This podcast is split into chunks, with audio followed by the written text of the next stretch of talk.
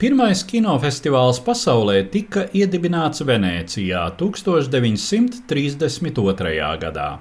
Tomēr jau pēc dažiem gadiem tas pārtapa par Eiropas totalitāro režīmu, fašistiskās Itālijas un nacistiskās Vācijas propagandas pasākumu.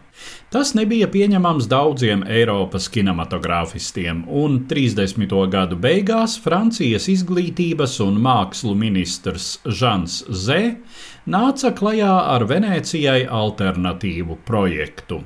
Jaunajam festivālam Franču Rivieras kurorta pilsētā Kannās bija jāsākas 1939. gada 1. septembrī, taču Vācijas uzbrukums Polijai un Otrā pasaules kara sākums lika atlikt festivālu uz sešiem ilgiem gadiem. Tā nu pirmais Kannu kinofestivāls otrais tika atklāts 1946. gada 20. septembrī. Budžetu, kuru pirmskara Francijā bija gatavas sekt valsts un pašvaldība, tagad varēja sagādāt tikai ar privātu ziedotāju atbalstu. 1948. un 1950. gadā festivāls izpalika līdzekļu trūkuma dēļ. Liela daļa naudas sākotnēji nāca no Amerikas, tāpēc amerikāņiem festivālā bija savā ziņā īpašs status, kas nebūtu nebija paprātam Eiropiešiem.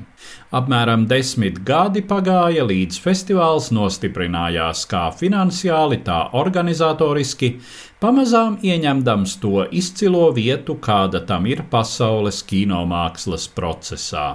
Ja sākotnēji tas tika uztverts vairāk kā nozares attīstību stimulējošs notikums, kur balvas dalīja diezgan nekritiski dāsni, tad ar laiku kannas kļuva par patiešām nopietnu profesionālu sacensību.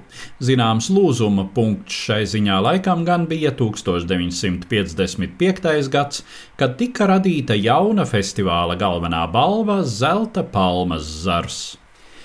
Pirmā Kannu festivāla lielais atklājums bija itāliešu neoreālisms ar Roberto Rossellini filmu Roma atvērtā pilsēta. Kanna salaž bijusi vieta, kur sevi apliecina nevien krietni iedibināta tradīcija, bet arī novitāte. 50. gadu beigās par šādu novitāti kļuva franču jaunais vilnis, kad 1958. gadā Kloda Šabrolas skaistulītis Seršs tika pēdējā brīdī Nacionālās žūrijas atsaukts no konkursa, taču jau nākamajā gadā labākā kinorežisora balvu ieguva François Truffaut ar filmu 400 sitieni. Savukārt 90. gados Eiropa kannās iepazina amerikāņu alternatīvos brāļus Koenus un Kventinu Tarantino. Izcilais franču rakstnieks un režisors Žans Kokto ir teicis: Festivāls ir apolitiska neitrālā zona. Tāds mikrokosms, kāda būtu pasaule, ja cilvēki spētu cits ar citu būt tiešā saskarē un runātu vienā valodā. Tas gan drīzāk ir ideāls vēlējums, kura piepildīšanās dzīvē diezin vai ir iespējama. Kā ikvienu kultūras fórumu, arī Kannu kinofestivālu dažādos laikos ir ietekmējušas politikas norises. Spilgtākā epizode bija 1968. gadā, kad vairāki kinorežisori un producenti, starp viņiem Karlos Saura un Milošs Formans, panāca festivāla pārtraukšanu solidarizējoties ar streikojošajiem un demonstrējošajiem strādniekiem un studentiem. Dažādos laikos nav izpalikuši gan demokrātisku, gan vēl jau vairāk autoritāru varas nesēju mēģinājumi iespaidot festivāla saturu.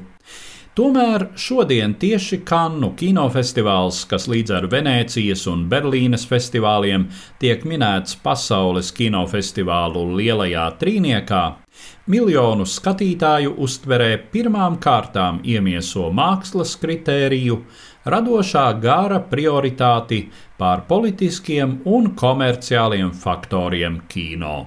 Stāstīja Eduards Liniņš.